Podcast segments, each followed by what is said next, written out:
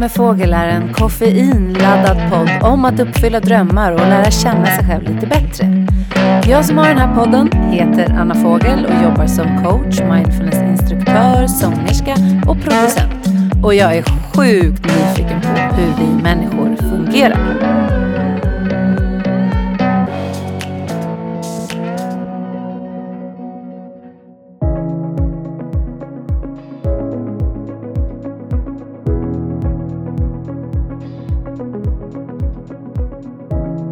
Dagens gäst i En kaffe med fågel är David Stjärnholm som har den spännande titeln struktör. Ja, han hjälper helt enkelt människor och organisationer med att få till de rätta strukturerna. En överfull inkorg, otydliga mål eller svårt att prioritera det som är viktigt. David har lång erfarenhet av att hjälpa till med allt det här vardagliga krånglet som nog de flesta av oss upplever. Han har släppt flera böcker, nu senast Förenkla på jobbet, Gör det krångliga lätt, som jag verkligen kan tipsa er om att läsa också. I vårt samtal så kommer vi prata om de vanligaste strukturutmaningarna, hur struktur hänger ihop med lekfullhet och kreativitet och varför det är viktigt att ha en hobby. Så kommer vi prata lite om banjo också. Hoppas du gillar avsnittet.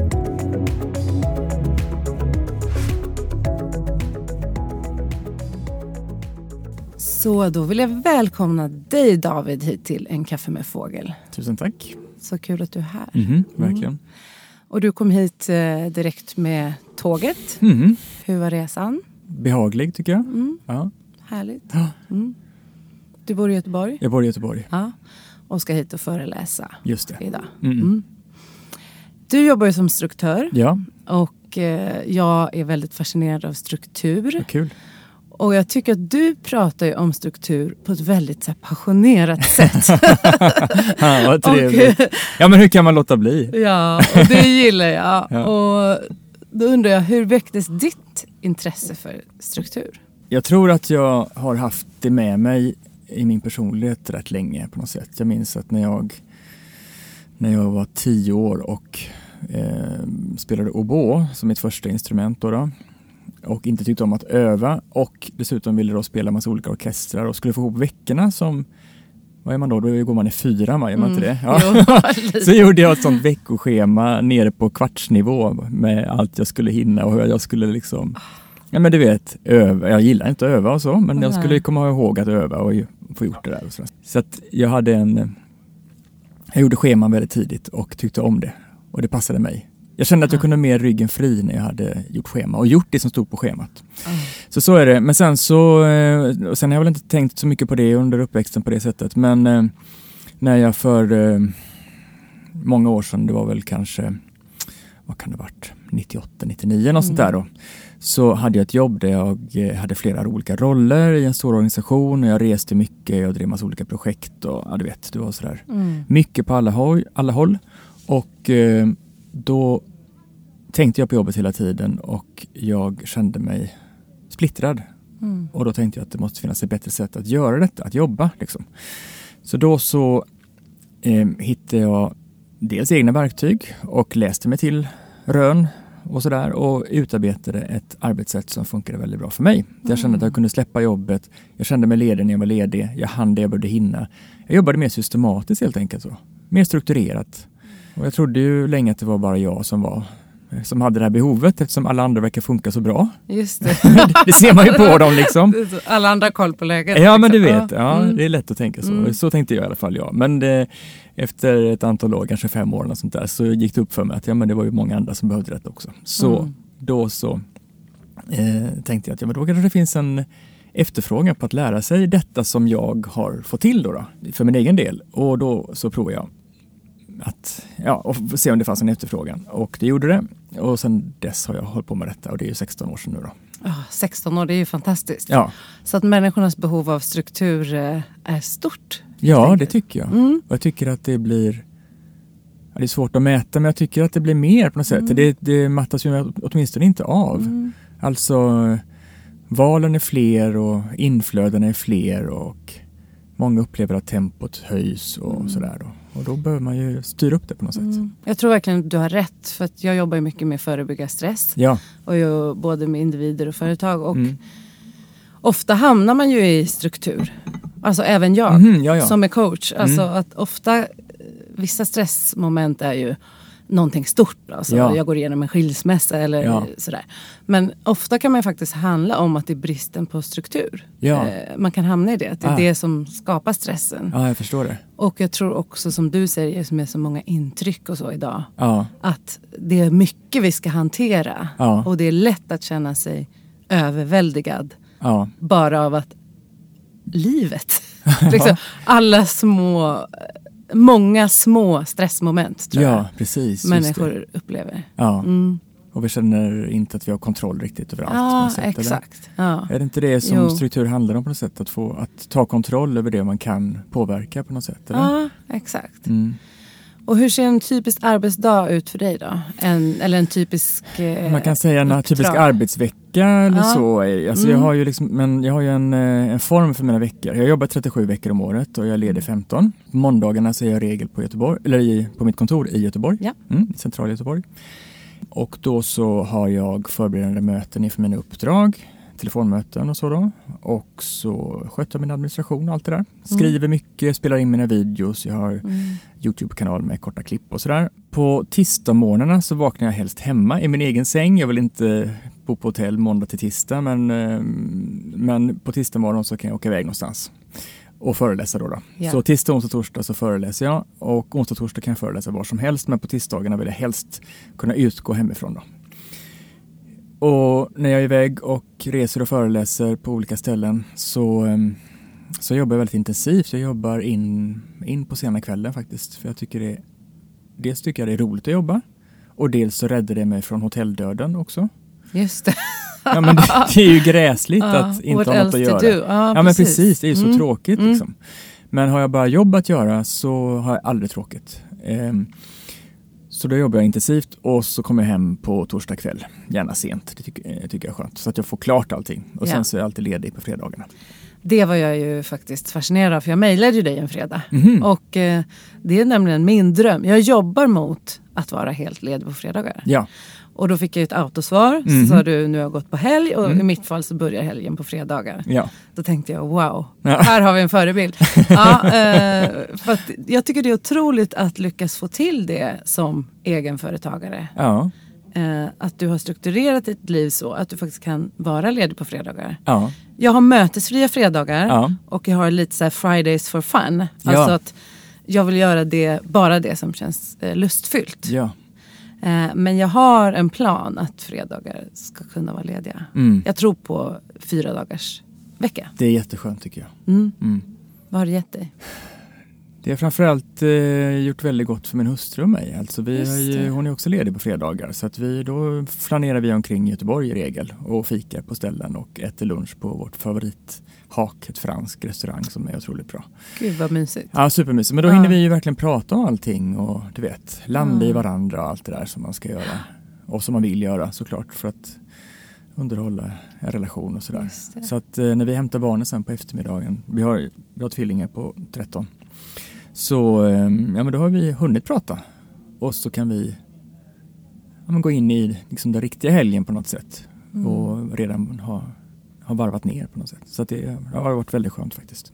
Det, det år- låter superhärligt. Ja, ja, det så kan, fantastiskt. Vi, vi, märker verkligen att det är värdefullt för oss. För vi märker, ja, nu har vi precis haft sportlov i Göteborg då. Och ehm, då blev det inte fredag förra veckan på det sättet. Ja, just det. Ja, vi kallar det för Ja. frufredag. Har hashtag frufredag. Oh. Hashtag frufredag. Ja. Nu säger jag det till min man också. Ja. Hashtag frufredag ska vi ha. det är bra. Hur som helst, det blir inte frufredag då. Och då ja, det är ju en, vi, visst, vi har umgåtts ändå med familjen sådär, men det är ändå inte samma grej. Vi Nej. behöver det tillsammans. Ah. Framförallt är det det. Ja, men framförallt är det nog faktiskt det. Ja, men det är en väldigt stor vinst. Ja, det tycker jag. Eller hur?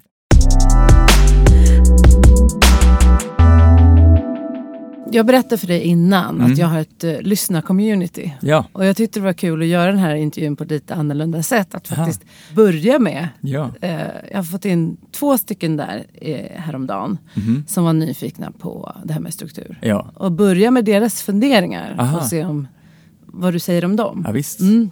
Och en person då frågade, hur kan vi göra för att leva strukturerat och organiserat men inte förlora vår lekfullhet? Mhm. Vad bra fråga. Eller hur? Ja, och det är inte så komplicerat tänker jag. Alltså, jag tycker ju att vi ska strukturera det som vi inte vill ägna så mycket tid åt eller energi åt eller tankeverksamhet åt. Allt det där som vi som inte är det där som är det lekfulla, som jag ser det då.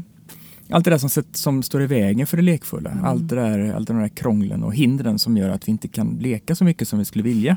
Det ska vi strukturera så att vi kan ge oss mer hän åt det som är vår lekfullhet eller vårt utforskande eller vad det nu kan vara. Då. Mm. Så att jag menar, alltså det är inget självändamål i sig att vara strukturerad. Det är liksom inte dogmatiskt så alls för mig utan det handlar ju bara om att göra det enklare för mig att få den tillvaro som jag vill. Mm. Att, eh, Kanske till och med bli mer lekfull då? Definitivt, ja. precis för, så är det absolut. För jag, när jag leker eller när jag, så, när jag då utforskar någonting, jag har en eh, tendens att förlora mig i intressen utan att jag vet om det. Mm. Eller att utan jag vet vad det ska vara för intressen då. vad är det för intressen? Ja, men jag har varit mellan intressen. Jag har varit lite olycklig i slutet mm. på förra terminen.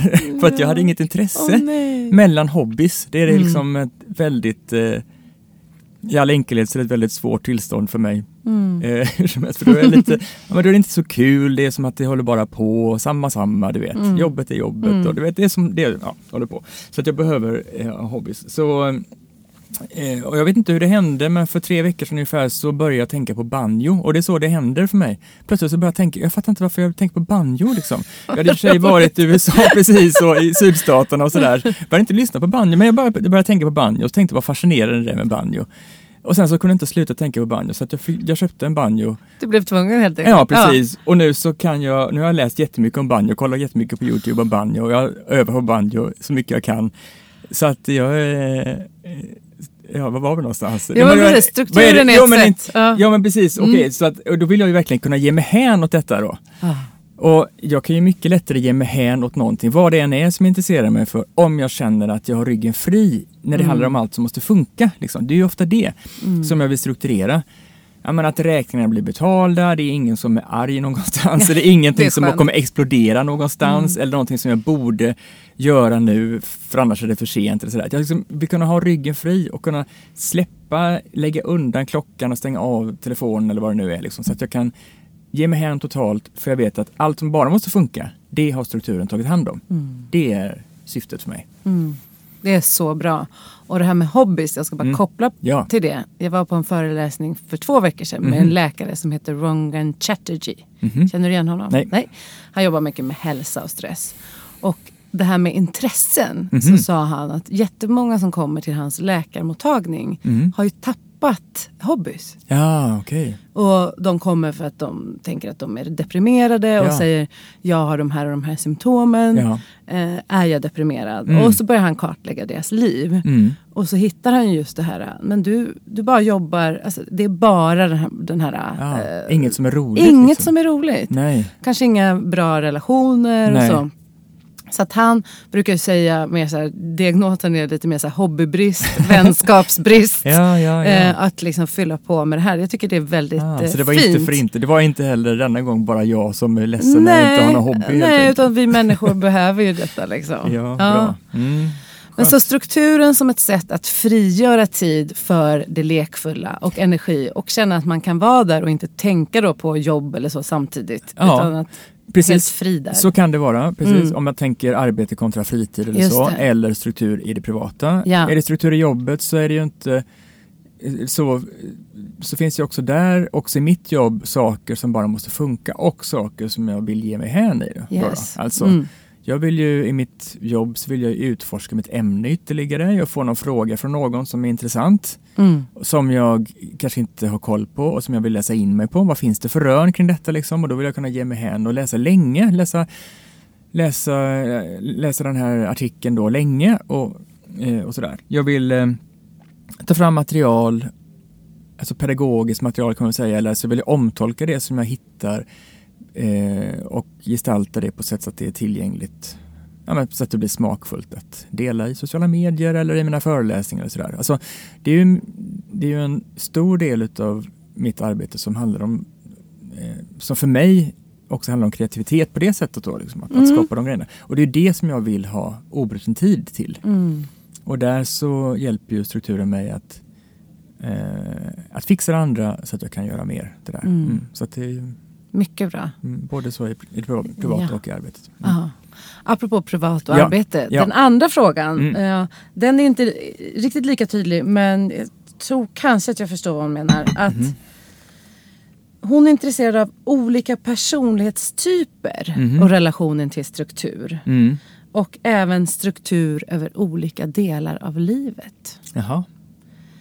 Eh, och jag vet inte om hon menar då om det är så att är det olika strukturer för olika typer av människor? Eller passar alla att ha strukturera upp sig? Ja. Liksom det här med olika typer av personlighetstyper. Ja. Jag kan säga något den om det. Ja. jag kan säga någonting om det då. Mm. Jag kan säga också utifrån det här med kreativitet eller kreativa typer. Så. Ja. Alltså em, en del som jag möter tänker ju att struktur är inte någonting för dem för struktur är så mycket Excel liksom. Eller är så fyrkantigt eller så Mm. tråkigt så.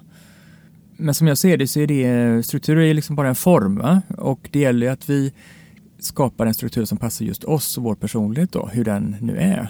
En del, det som är mest tydliga så som ni kan skilja på, det är väl att eh, ja, men en del är estetiskt lagda så, och vill att det ska vara, det måste vara rätt penna och de vill inte släppa det här blocket som de har skrivit upp vad de har att göra i för att de, vill, de tycker om papperskvaliteten och de vill ha i sina Ja. färgpennor och vill man inte ha en app för detta och sådär. Men så finns det en massa nackdelar med att ha det på papper kontra digitalt och så, så de brottas med det. Men jag menar, alla de där preferenserna som man kan ha kring hur man vill arbeta eller vad som är viktigt för en beroende på vilken personlighetstyp man har, de tycker jag man behöver bejaka också när man skapar sin struktur. Jag tror Mm. inte på att eh, trycka in alla i samma box på något sätt. Att alla måste jobba på ett visst sätt. Och att det finns en struktur som alla ska ja, som, alla ska, eh, som ska passa alla eller som alla borde passa in i snarare. Utan, eh, utan när det gäller att välja verktyg och hur man lägger upp det och hur man väljer att åskådliggöra allt man har att göra eller vad det nu kan vara så behöver vi hitta ett sätt som tilltalar just oss då. Mm. Så tänker jag. Så att, ehm, ehm, Så, så en bara- miss, ett missförstånd kring struktur kanske att det är lite det här stela, det är Excel, Ja. det är tråkigt, det är... Ja, det behöver inte, man Nej. behöver inte göra det till det. Nej, för det behöver inte vara verkligen det. inte. Nej. Utan struktur handlar ju på något sätt om att eh, tänka efter hur man gör saker, Mm. eh, hur man löser vissa problem eller fyller vissa behov i ens vardag Mm. Och så hitta på ett sätt som man tycker funkar bra. Rutin om man tycker om det ordet då, eller någon slags Ja. standardförfarande eller Mm. process eller så. Och sen så hjälpa en själv att följa den. Och hur man gör det och hur, man, eh, hur skyltarna ser ut man sätter upp eller hur man vägleder sig själv att i en stresssituation göra på det sättet som är det rätta och inte det som är det lättaste. Mm. Eller vad det nu kan vara. Det är ju upp till en själv. Det är så bra. Och jag fick ett tips i ditt nyhetsbrev, just Mhm. som det där som jag kände talade till mig. Mhm. För att jag, jag tycker om att jobba, ett med papper och penna. Ja, Nu har jag börjat med någon sån här bullet journaling. ja. För att prova det. För jag tycker om att ha ett fint block och Ja. jobba och skriva. Mm. Men sen har jag en Trello också Ja. som en backup. Men då skrev du en gång ett nyhetsbrev så här, man kan sätta bilder till sina to-dos. ja precis. Och då gjorde jag I det. Trello, ja. ja. i Trello. Så för er som inte vet så är Trello ett eh, projektverktyg, planeringsverktyg. Så att då gör man olika boards och listor och då brukar det ju stå liksom, betala räkning eller göra det här, vad man ska göra. Och då tipsade ju David om att man kunde lägga in en bild som kanske symboliserade också. Det här symboliserar ekonomi, det här Ja. är det. Och det gjorde det roligare för mig. Ja, intressant, vad bra, vad kul. Ja, så det var ju en sånt där eh, kon- konkret eh, att min lista fick bli visuell. Ja, Liksom. precis. Ja. du väljer vilka bilder du vill. Ja, exakt. De bilderna som hjälper dig att fint. göra saker. Ja, det kan vara fint, precis. Ja. Eller det kan vara en bild som sporrar Ja. dig. Eller en bild som gör dig glad på tråkiga uppgifter. Ja. ja men du vet. Ja, men så det är ju väldigt kul hur du kan anpassa strukturen till att liksom passa dig Ja. och din person. Det är viktigt. Ja, så att det finns en struktur för alla. Ja.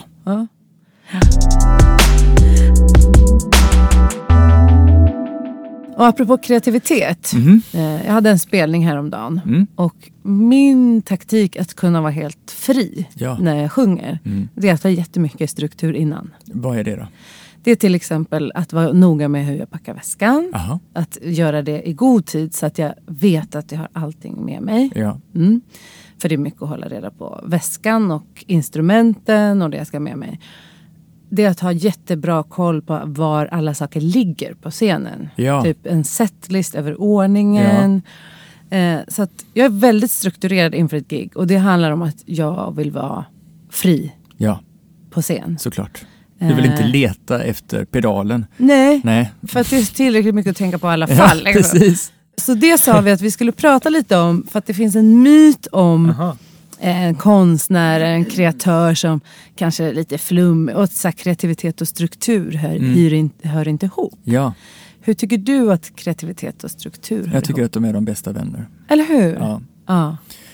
Ja, men just utifrån vad vi har pratat om hittills Ja. egentligen. Alltså, att eh, eh, strukturen hjälper dig att undvika att det händer saker som sätter hämsko på din kreativitet. När du står Yes. på scen så vill du inte leta efter setlistor för du vill, du vill liksom inte lägga till åtta takter för att hinna, för hinna hitta, hitta setlistor så du vet vilken det- nästa låt det är. Nej, Eller sådär. Det blir liksom väldigt Ja. Ja, det blir inget bra intryck. Det blir inte bra. Det hänger inte ihop och tappar tempot och rytmen Ja. och sådär. Ja, så du vill du undvika och då har du en bra struktur för det. Liksom. Mm. det och det hindrar inte din kreativitet. Nej. Och så är det. Och, eh, för jag menar, kaos har ju sin plats och struktur har sin plats. Ja. Alltså när jag eh, ska, utve- ska utveckla någonting eller vad det kan vara så vill jag ju få jättemycket intryck. Jag, jag älskar ju verkligen intryck. Jag, Ja. alltså jag, det är ju det är nästan en hobby. Jag gillar ju verkligen att ha koll på massa populärkulturella referenser och sådär och kolla upp grejer. Och jag, jag kan ju verkligen förlora mig. Jag får, vill ha jättemycket intryck och Ja. höra hur, vill se hur allting ser ut och höra hur allting låter och smaka, hur alla rätter som jag hört talas om smakar i princip, du vet. Eh, så att, så att eh, jag gillar ju verkligen kaos på det sättet. Ja. Men när jag ska få saker gjort på enklaste sätt, då vill jag att det ska gå smidigt. Det är ju inte det att jag inte tycker om kaos. Fast jag, det ska vara vid rätt tillfälle. Det är ju en- det självvalda kaoset som är, som är Exakt. det, det, det som jag föredrar då. Ja. Och när jag inte vill ha kaoset, när jag vill att det ska gå så smidigt som möjligt, då vill jag ha bra ordning. Mm. Precis som du säger, då, hitta, packa väskan i god tid eller sådär. Jag gillar ju kits, jag har ju hur mycket kits som helst liksom. Mm. Berätta vad, för lyssnarna, vad, vad är ett kit? Ja, men kit det är ju en samling saker som jag vet att jag kommer att behöva i en viss situation. Mm. Och jag har samlat ihop dem så att de är på ett enda ställe. Så att jag lätt hittar dem när jag väl behöver dem i den här situationen. Då. Jag har ett kit för när jag föreläser, alltså när jag ska kliva upp och föreläsa, eller inför det, så har jag en, ja men typ en necessär liksom. Med allt det jag behöver. Adapter och adaptrar pennor och pekare och du vet alla de där varianterna. Ja. Mm. En klocka och sådär. Ehm, och sen har jag något kit med, med sådana saker som jag, som jag inte behöver då, men som, som handlar om, om kroppen och sådär.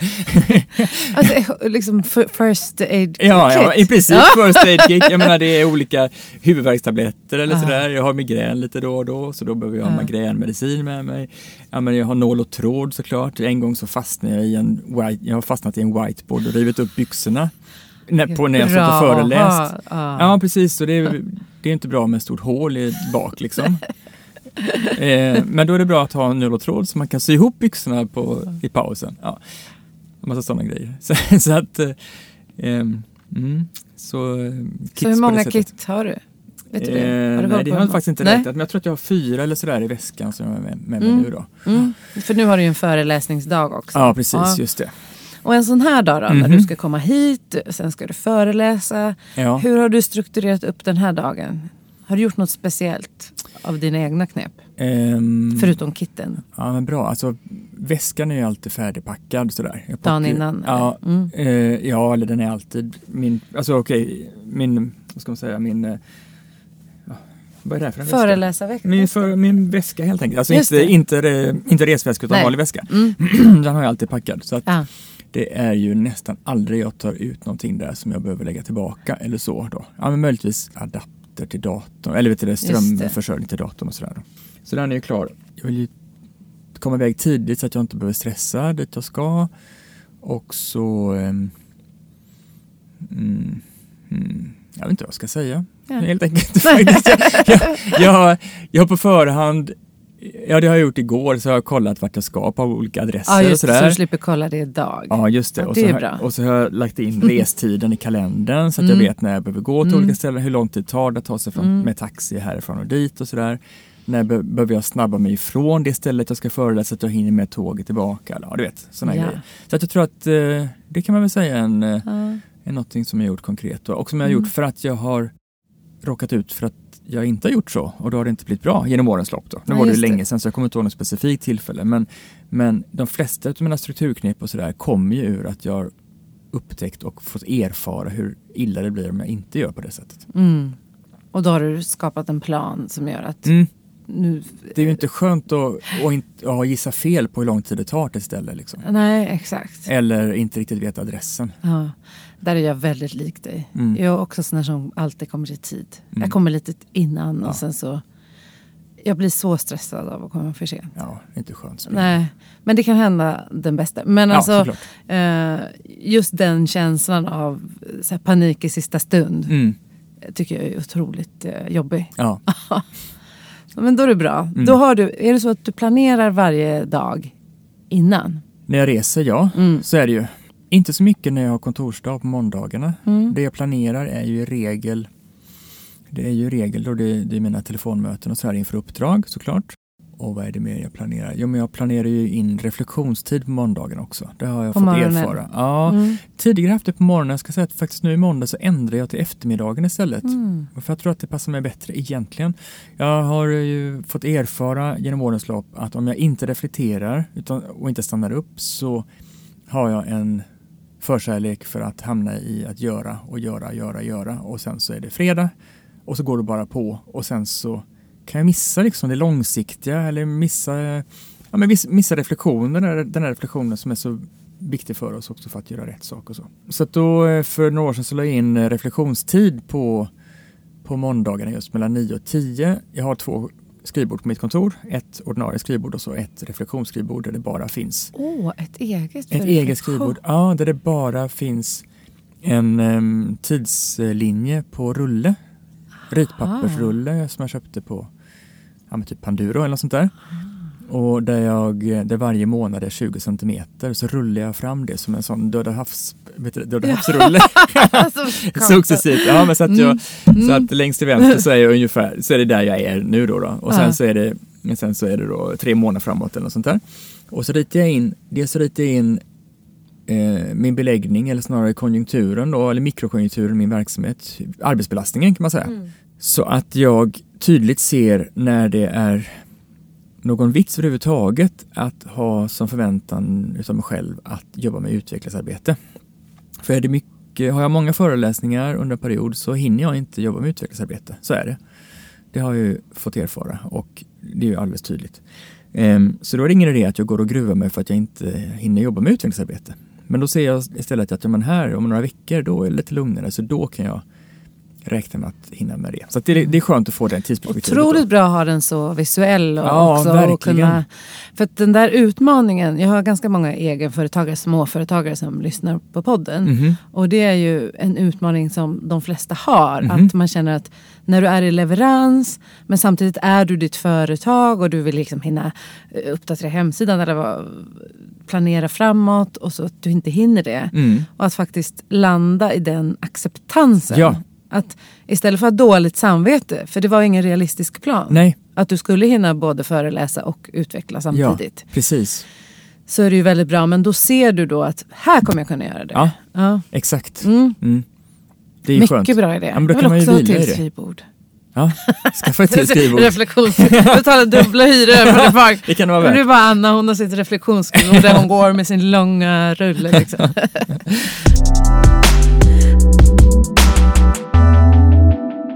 Otroligt bra. Reflektion överlag är någonting som jag tror eh, går förlorat ibland. Mm. Eh, just i att det är aktivitet efter aktivitet efter Ja. aktivitet. Ja, Och då blir vi inte smart, vi tar inte de smartaste besluten. nej. Det är otroligt viktigt tänker jag att få tid för den där reflektionen. Ja.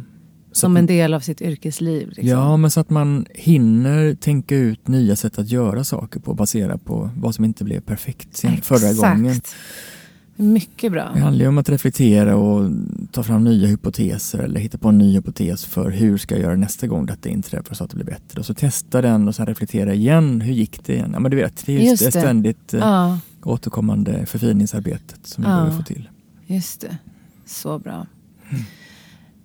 Jag jobbar med stresshantering. Mm. Och eh, på mina workshops och föreläsningar så brukar vi ju alltid göra någon slags nuläge. Så här, vad skapar stress Ja. i ditt liv just nu? Mhm. Är en fråga jag brukar ställa. Mm. Och då får man ju kanske massa post-it. Så jag har skrivit några post-it. Ja. Vanliga svar. Jaha, vad kul. Och så tänkte, först tänkte jag så här, vad kul det hade varit att ha en panel av en psykolog, en coach, en managementkonsult och en struktör. Ja, ja, och se om alla svarade samma. Ja, Eh, men nu är det struktören som ska svara på så vanliga problem som jag upplever att människor har på jobbet. ja. Om hur man kan lösa dem, Ja, och hur kan vi lösa de här David? Okej. Så till exempel då tänker jag så här. Allt känns akut och viktigt Ja, och jag har väldigt svårt att prioritera. Ja. Den här är mycket vanlig. eller hur? Och så säger chefen så här, men du måste prioritera. Ja, Men hur ska jag kunna göra det ja, när allt är lika viktigt? ja. Vad skulle du ge för eh, tips Jag till skulle den här tro- personen? Att den som upplever det på det här sättet ehm, inte har ett helt medvetet kriterium för att någonting är viktigt. Alltså, oftast, eh, jag skulle gissa att, eh, att det känns viktigt, eller verkar viktigt, eller låter viktigt, tycks viktigt. Mm. Man vet ju att det är viktigt. Men vad är egentligen grunden för det beslutet att det är viktigt? För det möter jag väldigt ofta, att folk förväxlar detta med bråttom och viktigt. Alla har hört att man ska skilja på bråttom och viktigt. Ja, Eller men man hur? vet inte hur. Jag vet inte, nej men, nej precis. Utan man tänker att är det bråttom så är det viktigt för att det är bråttom. Det är ju samma Exakt. sak. Liksom. Ja. Och det är inte det det är. Utan man behöver, för att, för att lösa detta eller för att känna mer kontroll över den situationen Mm. då, och kunna prioritera överhuvudtaget så behöver vi hitta ett bättre kriterium för att någonting är viktigt än vår ambition Mm. och vår goda vilja. För det är lätt hänt att det är den goda viljan också, att man vill, man vill hjälpa till, för man ska ju hjälpa till, man vill ju vara schysst, man vill inte vara nej-sägare och sådär. Vi behöver ju kunna säga nej med gott samvete så Mm. länge som vi får erbjudande om att göra fler saker än vad vi hinner. Så som jag ser det så är det viktigt det som bidrar till de mål som vi har att uppfylla i vårt jobb. Ja. Vilket jobb vi än har, om vi så är anställda eller egenföretagare. Mm. Någonting vill vi åstadkomma såklart. Och ju mer vi kan göra tydligt för oss själva vad det är som vi ska åstadkomma och hur vi kan se om vi har åstadkommit det, alltså satt ett mål, desto lättare kommer vi kunna identifiera vilka uppgifter det är som vi i första hand ska göra för att lyckas med detta som vi bestämmer oss för. Och vi kan inte, vi kan inte göra allt, vi kommer alltid försaka saker. Och för att kunna någonsin känna och se att vi har lyckats med någonting så behöver vi också definiera vad, vad är liksom måttet på att vi har lyckats. Ju mer tydligt vi kan visa oss själva det och bestämma oss för detta, desto lättare kommer vi hitta de uppgifter som är bidrar, alltså de viktiga uppgifterna. Och då är det lättare att säga nej till sådana uppgifter som känns och låter och tycks och verkar brådskande, men som Exakt. faktiskt inte bidrar till de målen som jag och min chef har kommit fram till är de som är just mitt bidrag till verksamheten som helhet. Just det, så bra. Så och också jag. kunna lyfta det då till sin chef och säga att det här ser inte jag är exakt det viktigaste just nu. Nej, precis. Och hjälp mig att prioritera. Alltså man kan Ja. be om hjälp också. Ja, för man får också syn, precis, Ja. det kan man göra. Och man Mm. får också syna, om vi nu har utvecklingssamtal eller vad vi nu kallar det, Ja. och, vi och vi bestämmer oss för att ja, men det är de här målen som är just det som jag ska uppnå då. Mm. Så, så har man också det att falla tillbaka på tänker jag. Så får man syna, har jag, har jag en chef som ändå säger att ja visst, vi sa ju det då, men nu är det detta som gäller. Eller, och visst, då kan det vara så, men då får man ju välja bort någonting annat. Eller också så får man säga att ja, men det var ju detta vi kom fram till. Är det, är det inte det som gäller? Exakt, ska jag ta bort det och göra det här istället? Ja, är det det du för menar? Som jag, om jag fattar saken rätt, hjälp. Och visst, då kan man ju såklart be om hjälp Mm. med prioritering, för det är också en del i ledarskapet, tänker jag. Mm. Att hjälpa, hjälpa medarbetarna att prioritera. Mm. Och då behöver också medarbetarna be om hjälp att prioritera, Just det. såklart. Exakt. Det är inte säkert att chefen vet precis allt man gör. Nej, så är det Ehm, inte. Inte ens chefer är tankeläsare och ser Nej. allting. Nej, precis. Eh, det är en utmaning många har. Ja, så jag tänker att eh, det var ju det som min andra bok handlade om, Mm. den som heter Målmedveten, pri- Mm. prioritera rätt och säga nej med gott Mm. samvete. För den kom just ur det som jag såg, att folk inte skiljer lika mycket på bråttom och viktigt som de skulle kunna göra. Just det. Ehm, för eh, om vi ska då kunna säga nej med gott samvete så behöver vi hänga upp det på någonting annat än att vi ska vara schyssta eller hjälpa till eller ställa upp eller sådär. Utan det, det handlar ju om att vi, vi ska åstadkomma någonting. Det är därför vi är anställda. Exakt. Ja, och då, Ja. då är det ju det som ska avgöra vad, som, vad vi ska lägga tid på och inte. Och att inte bara hamna i de här bråttom. För det tror jag är väldigt vanligt. Att man hamnar i de här släcka bränder Ja. situationerna. Och det hänger ihop med reflektionen. Ja. Att liksom, men vad är det långsiktiga målet? Ja. Då kan man inte bara göra saker som tar en halvtimme styck. Utan man behöver ju få tid på de här djupare uppgifterna. Ja. Och liksom kanske sitta längre tid med Ja. någonting. Oh, Eh, för det upplever jag när jag jobbar. Att många hamnar ju i det här uh, mejlen eller det akuta. Ja. Eh, det här som är det dagliga bara. ja. Och att man liksom inte äger sin tid. Nej. Precis. Man måste liksom ta makten över Ja.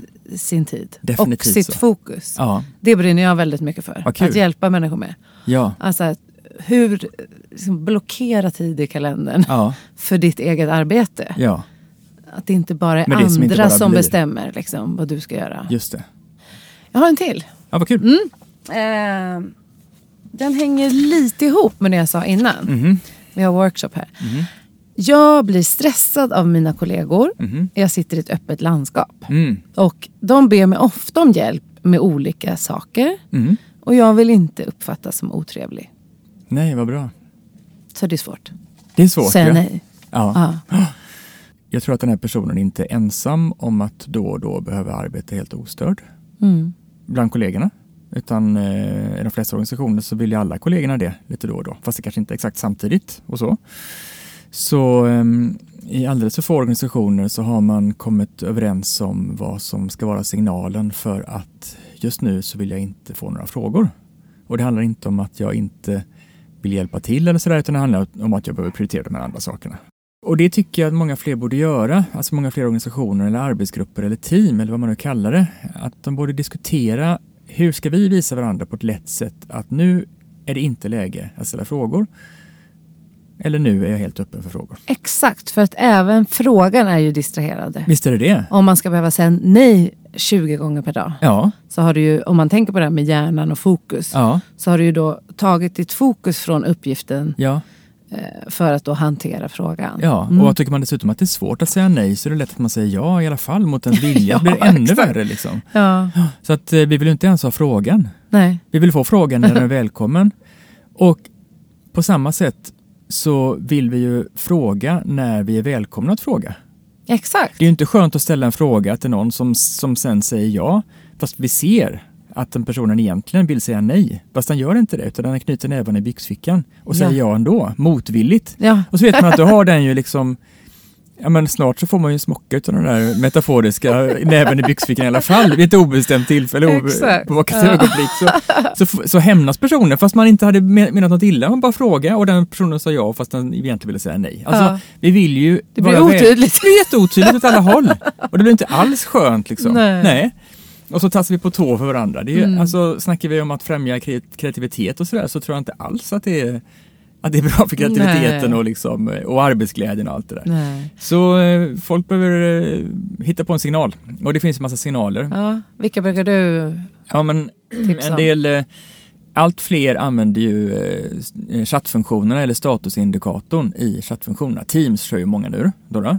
Just det. Ja, och det är det- som Teams och Slack är de Teams man och Slack kör. och allt det Ja. där. Precis, Mm. exakt. Och då finns det ju alltid en status, man kan vara tillgänglig eller do not disturb eller upptagen eller sådär. Va? Den där kan man använda. Och så kan man ju komplettera med eh, att i, eh, eh, det finns ett statusmeddelande eller status, ja, vad heter det? Ja, heter det statusmeddelande? Heter det. Man kan lägga till en text också, sådär. Mhm. åtminstone kan man göra det i Teams. Eh, där du kan skriva till exempel när du är tillgänglig igen. Som ett autosvar Ja men typ. på mejlen fast i Teams. Sitt, ja, Ja. do not disturb men, jag är, Mm. men efter klockan 11 så är du välkommen. Eller mejla mig istället så tar det när jag har tid eller något sånt där. Inte vet jag. Liksom. Mm. Men att, så om man nu sitter uppe i ett landskap, innan man går genom hela landskapet för att fråga någon i andra änden om den har en sekund liksom, eller sådär, så kan man bara kolla om vilken status personen har och så är det det som gäller. Så vet man. Eh, skyltar är ganska vanligt också. Röda eller gröna eller... Ja, Ja. man gör någon rolig skylt. Och sådär. Någon, det var någon, någon som gjorde lite sådär borta på Pandur och köpte olika flörtkulor och eh, blomsterpinnar och gjorde sjömärken som man fick, fick man gå och hämta och ställa Fick på man sitt använda sin kreativitet Mm, också precis, till att göra sig en skylt? Ja men Det faktiskt. var ju kul. Ja, kan man göra en workshop av bara det. Ja definitivt. ja vad är det mer? Lurar är Lurar är populärt. Ja. Men stänga dörren gör ju folk också om de har dörrar och sådär då. Mm. Och så kommer de överens om att inte knacka utan man öppnar det. själv när man är tillgänglig. Sätter upp skyltar utanför dörren att, att jag vill arbeta ostörd och är tillgänglig från en viss tid. Men det är ju tydligheten, men det kan ju vara så att man vill stänga dörren för att man vill ha tyst fast man är tillgänglig för frågor. Just det. Och det Får man sätta någon lapp om det Ja. då? Kom in! Mm. Dörren är stängd fast du är välkommen. Just Alltså, det. det, är mer, det är ju, handlar om tydlig kommunikation, kommunikation på något sätt. Då. Och det här kan man tycka att ja, men det kan vi bara sätta upp en skylt och sådär. Men det här behöver man snacka igenom tycker jag. För det kan ju alltid missförstås ändå. Liksom. Vi behöver ju komma överens om vad, ska, vad som ska vara signalen. Verkligen. Mm. Och just det här att det, det, det ska vara okej att prata ibland. Man vill inte ha Ja. ett rum där det aldrig är okej att ställa en fråga för då blir det en jättetråkig arbetsplats. Nej, precis. Så just den här att när jag sätter upp min signal, Mm. då är inte jag redo. Nej. Liksom. Och sen så är det en del som invänder då att ja, men tänk om alla hade uppe det hela tiden. Ja, men, då- men det gör de inte. Och gör man det så... Man vill ju så då är det ett socialisera med sina kollegor Ja, tänker precis. Och då, jag. Och jag de menar, flesta vill ju det lite man kan ju missbruka allting. Liksom. Ja. Ja, så det gör man inte. Missbruka eh, skyltarna. Ja men precis.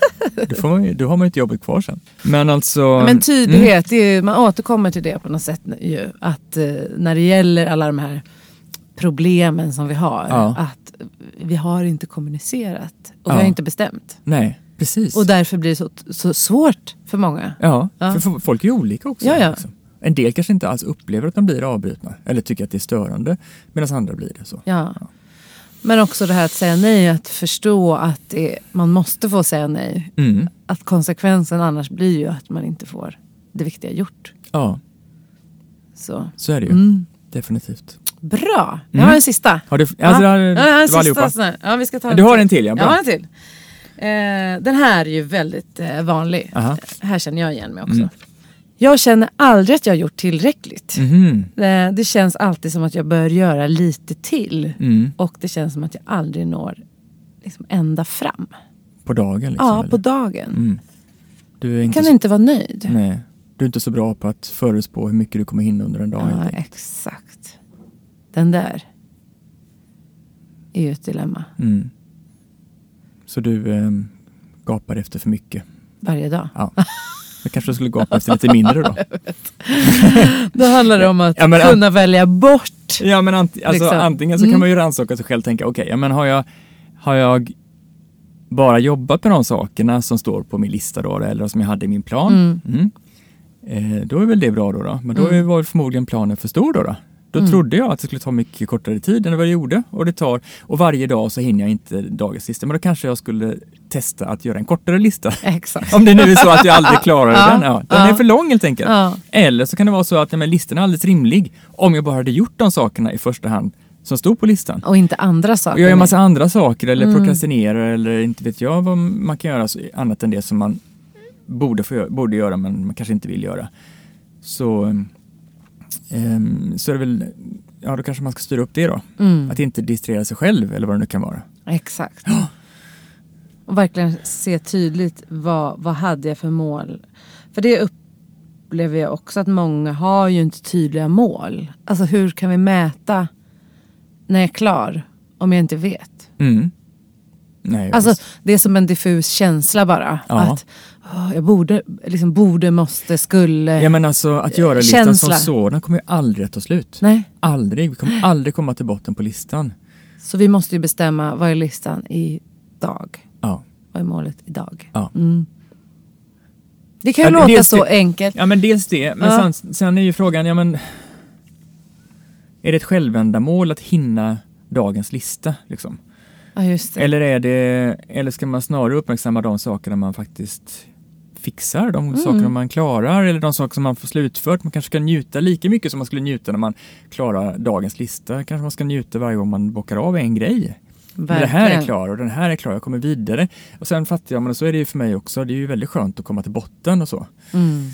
Men eh, kommer vi sällan till botten så behöver vi ju sätta lite lägre mål då förmodligen, om vi nu vill lyckas. Mm. Men jag tror du har en nyckel där också med att faktiskt se vad vi fick gjort och Ja, inte det vi det. inte fick gjort. Ja. Det pratade vi om precis när du kom, innan Ja, vi började ja. spela in. Att faktiskt fira eh, det vi får gjort. Om det är slutet av dagen eller slutet av veckan. Och att inte gå med den här känslan av att jag borde gjort lite till utan faktiskt säga wow, Mm. Det här fick jag gjort idag. Bra jobbat liksom. Bra. Eller hur? Ja, absolut så. Eh, berömma oss själva lite mer. Ja, definitivt. Ja. Men hur kan man fira på ett bra sätt? Och vad har du för firande knep då? Jag behöver tips om att Ja, fira men någon- jag är ganska bra på att fira. Ja, berätta. Ja. Vad kul. Först bru- brukar jag fira bara genom att skriva ner till mig själv. Vadå? Eh, Så här, det här har du gjort bra idag. Bra. Eh, Det här är jag tacksam för idag. Brukar Bra. jag också skriva. Ja. Jag skriver några grejer faktiskt varje kväll. Ibland kan jag faktiskt skriva så här. Vad var det, vilken förmåga använde jag för att lösa det här problemet? Ja, snyggt. För att liksom stärka mig själv i det jag kan. Ja. Och sen är jag jättebra på att ta fredagsbubbel och gå på spa. Och jag är bra. Liksom. Men däremot kan det vara stora projekt. Ja. Om jag till exempel har gjort som en spelning. Ja.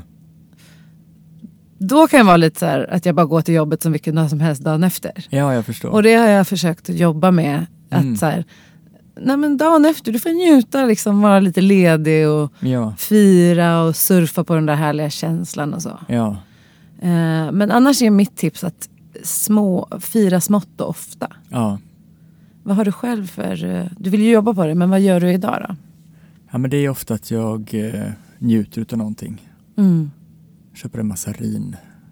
Ah, Eller något sånt där. en belöning. En belöning så. Ja. Ja. Eller tar, eller tar det lite extra lugnt eller så.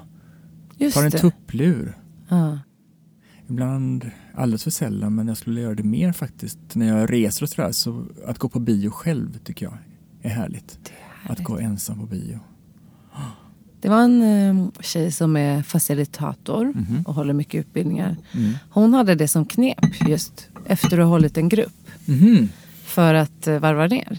Att Bra. gå på bio själv. Jaha, säger ja, du det? Ja, Intressant. så det var kul. Vad sa hon om det då? Nej, men hon frågade bara, det var på Instagram. Ja. Vad gör ni som håller i grupper? Liksom, Ja. Man har hållit upp energin i ett rum och så här. Mm. Vad gör ni för att ta hand om er själva sen? Bra. Mitt knep sa hon, är att gå och titta på en film. Och Bra. gärna en lite corny film sådär. Ja.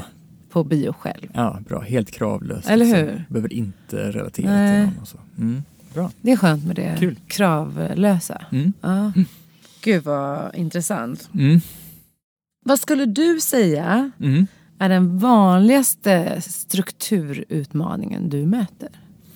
Den absolut vanligaste är att ehm, ha alldeles för många olika ställen att titta på när vi ska välja vad som är rätt sak att göra härnäst. Utveckla det lite. Ja, det var långt. Nej men, nej, det Men var alltså, bra. nej men alltså att eh, notera det vi har att göra på alldeles för många olika ställen gör folk lätt. Det är det som jag alltid tar upp i alla grupper i princip. det. Och det är, ja, det är det absolut vanligaste.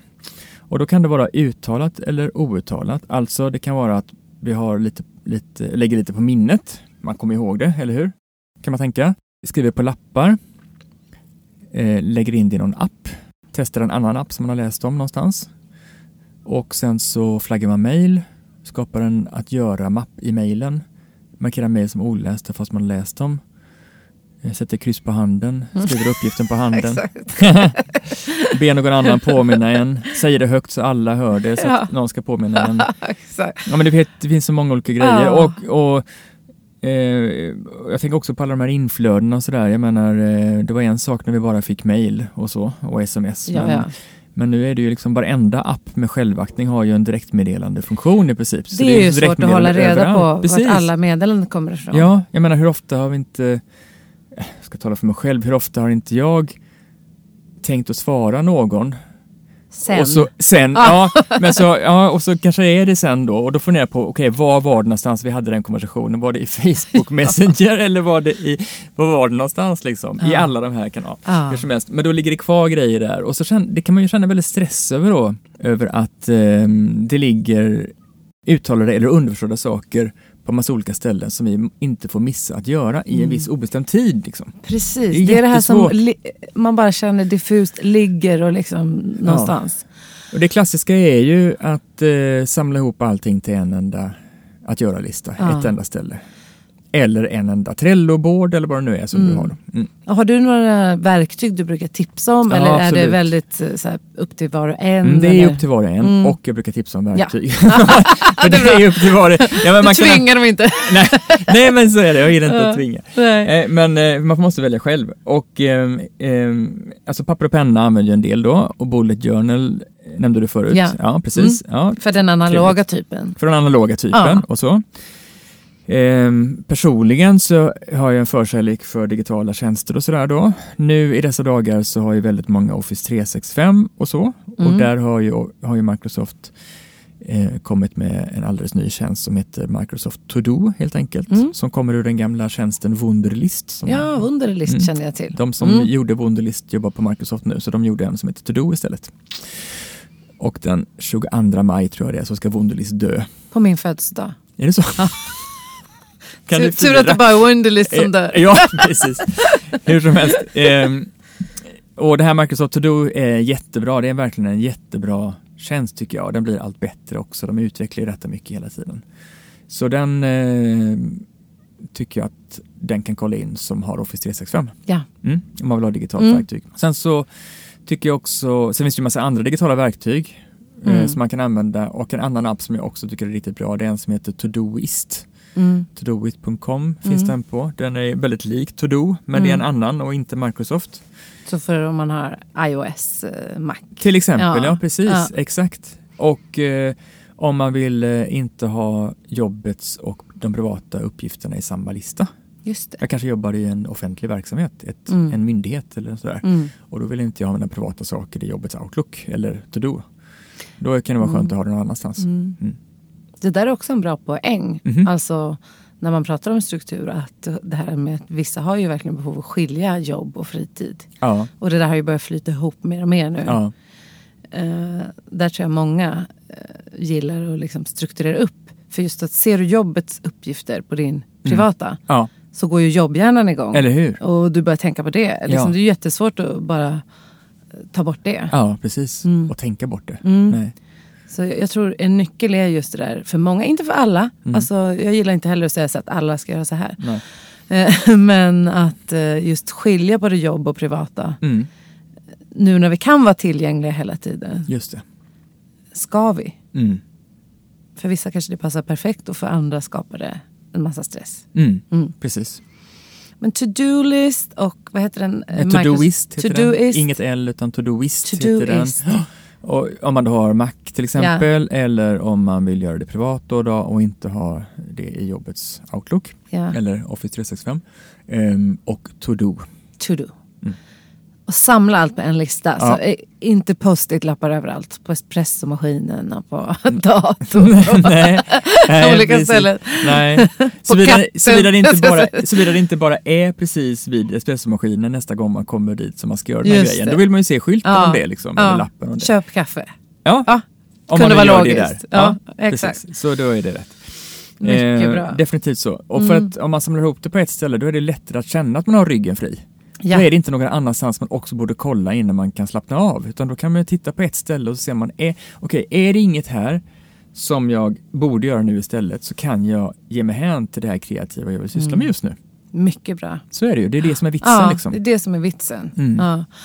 Och med de här meddelandefunktionerna, Ja. det tycker jag själv är väldigt klurigt. Och jag brukar försöka tänka nu så här, om jag till exempel får en ny coachklient. Ja, Så tänka hur kommunicerar vi, var kommunicerar vi? ja, Och det är för att jag är en person som, jag får jättedåligt samvete om jag inte svarar. ja. Och jag tycker det finns en risk med alla de här inboxarna. Mm. Just som du sa, att då, då glömmer jag att svara för att jag vet inte sjutton vart meddelandet kom. ja. Hur kan man hantera det här? Ja, precis. Bra. Mm. Eh, det som jag eh, svarar oftast eller kollar oftast på det är mejlen. Mm. Det är där jag får min mesta trafik och sådär Mm. Men jag har också mycket konversationer i men i Messenger och LinkedIn-mailen och sådana saker. Men jag vill inte hålla på och kolla det hela tiden eller jag vill inte känna mig stressad över det. Jag, utan då har jag tänkt att ja, men alltså, eh, jag tycker att det är viktigt eh, för en, vad man än arbetar med, att man bestämmer sig för vilket svarsfönster som man har. Alltså hur Just sent är det okej att jag svarar och hur länge kan jag vänta innan det hur, det, hur länge är det okej att vänta innan jag svarar? Just Fattar det. du? Ja. Ja, Mm. smart. Mm. Så att man har det tydligt för sig, så att man Mm. inte bara tänker att jag borde hela tiden, för det är jättejobbigt att Mm. tänka att jag borde svara, fast Mm. jag har andra, har andra saker att göra. Eh, så det tycker man behöver bestämma. Och det är helt okej för mig att eh, vänta 24 timmar med att svara, tycker jag. Mm. Mm. Om det är då på de där kanalerna. Alltså för att säkerställa att jag inte missar någonting, typ i Messenger eller på LinkedIn eller så, som jag borde svara på, så har jag det som en återkommande uppgift i min att göra-lista, min digitala att göra-lista. En återkommande Mm. uppgift varje morgon. Jag har en grupp uppgifter där som jag kallar för ronden. Varje morgon så går jag ronden. Spännande, som läkarna. Strukturronden. Ja. Svarar, vad bra, vad innehåller den här ronden? Ronden innehåller, Älskar det. ja, ja. Ja. Ronden innehåller svara på eventuella kvarglömda sms, svara på eventuella kvarglömda messengermeddelanden, Ja. svara på eventuella kvarglömda LinkedIn-meddelanden. Ja. Ehm, vad är det mer jag kollar på? Jag kollar på om det kommit några kommentarer på min blogg som jag ska svara på. Mm. Ehm, det är också en del, på bloggen så är det också en del kommentarer som bör modereras innan de godkänns då. Det. det. kollar jag också Mm. på. Jag kollar också på eh, om det är någon som har avbrutit någon beställning i min webbshop. Just det. För då hör jag av mig till dem och säger du har avbrutit. Ja. Beror på, ofta beror det på att de inte vill Ja, de vill inte använda det betalningssättet som jag har, har där då. Mm. Ja. Så då brukar jag mejla dem. Så då, då vill jag liksom följa upp det då. Mm. Mm, Så att det är lite olika sådana ställen. Alltså i princip är det olika ställen som jag tittar på varje morgon. Älskar det här. Och då kan jag bocka av det varje morgon. Ah. Så okej, då har jag gått ronden och då har jag ryggen Och det är ju allt det här fluffet som Ja, man man liksom, som bara går som det här omedvetna fluffet att det är något jag borde göra, det är någon jag borde svara. Ja. Som skapar så mycket stress och Ja. känsla av att man inte har koll. Ja. Vilken bra idé! Mm. Ronden. Mm. Mm. Och då gör du den varje dag? Ja. Sa du? Ja. Ja, ja, när jag jobbar ja. ja. Mm. Nej, det är fantastiskt. Mm. Och det här att samla också små uppgifter Mm. till ett tillfälle. Ja. Blir ju det också. Du Ja, sam- det det samlar allt Jag batchar dem då. Liksom. svarande och kommunikation. Ja, Eh, så att jag får klart det. mycket bra. Mm, skönt. Tips till alla lyssnare, ronden. Ronden. Älskar ordet också. Bra. Ja. Kanske jag ska skriva om det då. Jag, Ja. jag har aldrig skrivit om det tror jag. Nej, Men det låter som skriv att om det. det var bra då. Ja. Mm. Vi har inte jättemycket tid men jag har några frågor jag alltid brukar fråga. För det här handlar ju om att lära känna sig själv den här Bra. podden. Mm. Så min fråga är, vilka insikter har du fått om dig själv genom att jobba med det du gör? Ja, men jag tror att eh, det har blivit tydligt för mig att jag både tycker om eh, och inspireras utav att träffa väldigt mycket folk sådär Mm. i, eh, ja, men när jag föreläser och så och är ute i uppdrag och att jag behöver mycket tid där jag inte träffar någon och har inga förpliktelser alls gentemot någon. Alltså det känns väldigt polariserat på något sätt så. Mm. Jag trivs mycket bättre antingen helt ensam eller också med jättemycket folk än i mindre grupper. Ah, vad intressant. Ja. Svårast tycker jag nästan är att insikt. föreläsa för åtta personer. Det är jättesvårt tycker jag. Ah, Men, du gillar stora grupper? Jättestora eller, Ah. eller ja det går bra med, Ja. det går bra hela, på hela skalan men, Mm. men, men eh, det är inte, jag tycker inte att det är jobbigt att föreläsa för många. Mm. Ja, hur som helst. Men eh, det är väl någonting som har blivit tydligt. väldigt Som inte bra jag har tänkt insikt. på liksom. Ja. Sådär då. Mm. Just det. Mm. Det var en intressant fråga, hör du. Mm. Har du något annat när Ja, du får fundera lite? Ja, precis. Det är nog detta med hobbisen då, då faktiskt. Alltså. Mm. Vi var inne på hobbys förut. Att det är viktigt för dig att Ja, ha jag har hobbys? inte riktigt fattat att det varit så viktigt som jag upplevde nu senast. Och ehm, Ja, men det här, är, jo, det här är en aspekt. Alltså, jag, har, jag märker att jag har lätt för att direkt tänka nytta, liksom. Så. Just Okej. det. Okej, det här var intressant.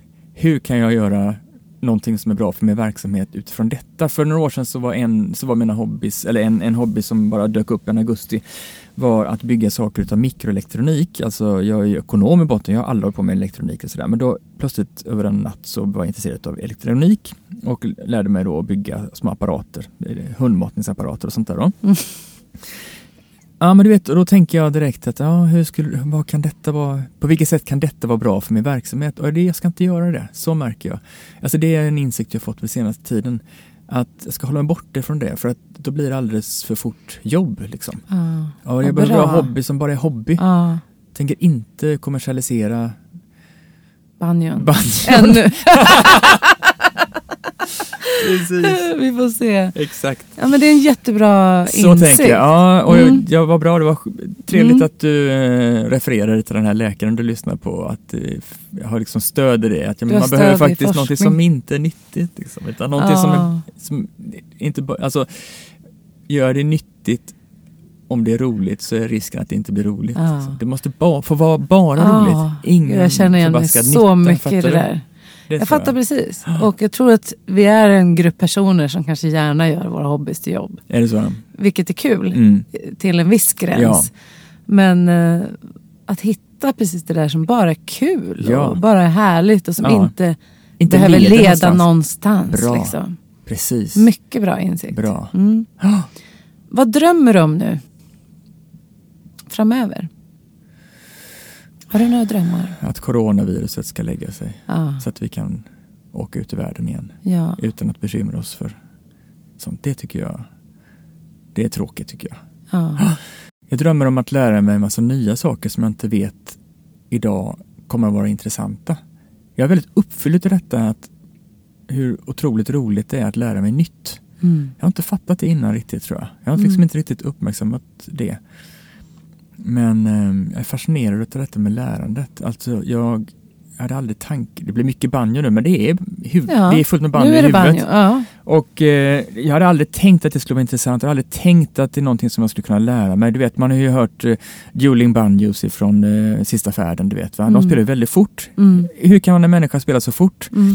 Jag har aldrig tänkt att det skulle jag kunna lära mig att spela Mm. så fort. Men det är ju också ett, ett slags ljud som jag aldrig lyckats eller jag, på mina andra instrument så har jag aldrig kunnat skapa det där banjo-ljudet, det klassiska banjo-twanget liksom då. Ja men så skaffar jag en banjo och så övar jag, för det finns så generösa människor som lägger ut massa lektioner på Youtube. ja, det är Och fantastiskt. övar och övar och övar, samma, samma, samma grej. Och plötsligt så sitter det där. Plötsligt så kan, kan jag låta som en banjo för att jag spelar banjo. Alltså det är, och då tänker jag, och då, det är som att världen öppnar sig Ja. ännu mer på något sätt. Okej, jag kan välja vilket ämne som helst nästan. Och det är bara en fråga om repetition och hängivenhet Mm. och så kan man lära sig grejer om det. Och så är det så, Det blir livet så mycket mer rikt. Liksom. Ja. Och just att vi kanske har en tendens att man tänker så här, det här är jag, det här gillar jag, Ja. det här håller jag på med och lär mig. Liksom. Ja. Och så öppnar man upp lite mer och så Ja. finns det liksom så mycket man kan lära sig. Ja, och så blir det mycket mer nyanser också. Alltså när jag satt, jag satt och fikade på fabrik innan vi, Mm. kom, innan vi träffades Mm. nu då. Och så hörde jag, spelade de lite sådär, eh, någon slags eh, soft country-stuk där då. Mm. Och så var det någon banjo där. Och jag har ju aldrig lyssnat på banjon men nu så, nu så hörde jag det och då Eftersom jag nu har fördjupat mig detta så plötsligt så blev det, det var inte det bara en banjo utan jag hörde att det var en open back banjo Ah. och jag hörde att de spelar med klåfingerteknik liksom. Eller klå, heter det klåfinger? Klåhammer, klåhammerteknik. Jaha. Och det visste inte jag vad det var Nej. innan men nu hörde jag att ja, men det är det de gör. Ja. Och då blir ju liksom då blir ju den upplevelsen mycket starkare, mycket mer berikande för att jag har intresserat mig för en grej. Så att, okej. Livet har blivit större med den här banjon. Ja men precis, eller vilken... Ja. Ja, så, att, eh, är. så att då... Okej, så att då drömmer jag efter någonting obestämt som handlar om vad är nästa och nästa och nästa grej som jag skulle kunna lära mig som jag inte vet kommer vara intressant men jag vet att det kommer att bli intressant. Fint. Så tänker jag. Jag hör att du inte kommer vara uttråkad i livet. Jag tror inte det. Nej. Så länge jag hittar en hobby. Ja, så länge du har en hobby. Mm. Underbart. Det var liksom den avrundande frågan för idag. Men jag vill ju tipsa lyssnarna Mm. innan jag tackar av dig. Mm. Jag sitter med boken här. Ja. Jag ska ta kort på den så att man Ja. får se.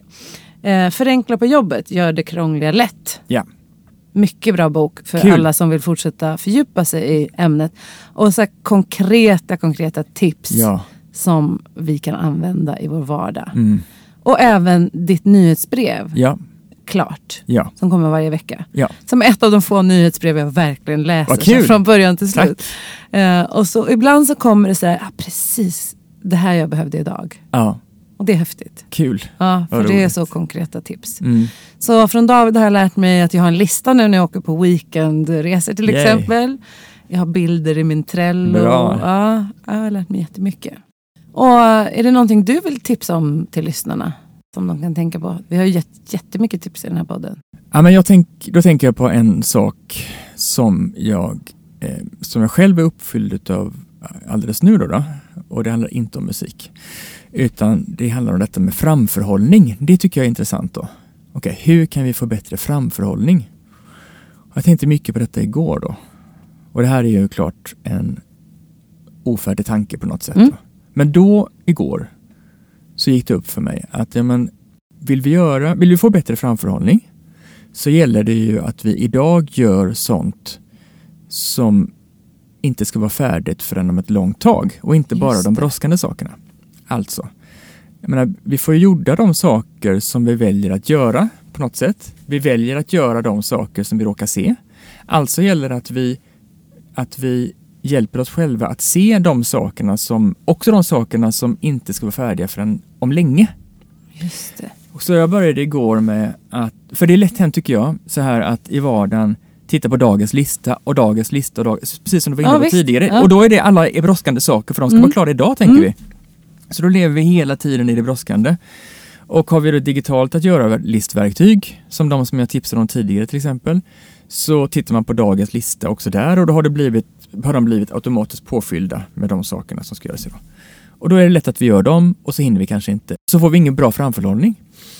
Men vi behöver ju se till att vi ser de långsiktiga sakerna. Så jag började igår med att eh, varje dag vika 15 minuter. Det hinner man. Mm. Även om vi mycket gör så hinner man vika Mm. 15 minuter för Mm. att jobba långsiktigt. 15 minuter, jag ställer klockan på telefonen på 15 minuter. Och då tittar jag i min att göra-lista, som också är digital, då, då, tittar jag så långt fram jag kan.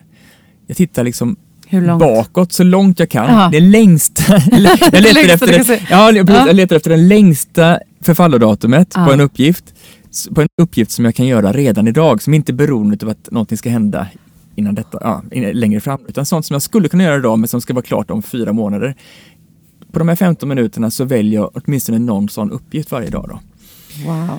Ja, och det var, det var verkligen otroligt skönt. För det första så hann jag mycket mer på den här 15 minuterna än vad jag trodde jag skulle hinna. 15 minuter, man hinner ju ingenting på 15 minuter. Ja, man hinner faktiskt en hel del Ja. på 15 minuter om det är korta grejer såklart. Då då. Men med mer än vad jag trodde åtminstone. Och sen så var det väldigt befriande för jag, det här var sådana uppgifter som jag som jag vet att jag ofta gjort i sista sekunden tidigare. Men nu gjorde jag dem Nu ligger du jag före. ligger före! och vilket innebär, ju fler sådana vi gör, desto mindre kommer det bli att göra som faktiskt brådskande när det väl är dags. Och desto mer tid till banjo. Desto mer tid till bandet. Ja. Så det Men alltså, får bli då ett... Framförhållning. Ja, på det Så sättet. bra. Ja, men på det sättet liksom. Ja. Och inte bara tänka att man borde ha högre fram, bättre framförhållning, utan exponera oss för långsiktiga uppgifter om dag, varje dag. Det där blir jag lugn av. Gött. Tack för det tipset. Tack så hjärtligt. Och stort tack David för Tack. att du har kommit hit. Mhm. Lyssnarna kanske vill följa dig på sociala medier. Mm. Eh, var hittar de dig? Man kan lättast hitta allt som jag eh, eh, delar med mig av om man går in på stjärnholm.com mer. Får man mer smak så hittar man det på stjärnholm.com mer. Bra. Ja. Underbart. Tack för att du kom till podden. Tack för inbjudan. Tack till er som har lyssnat. Hej då!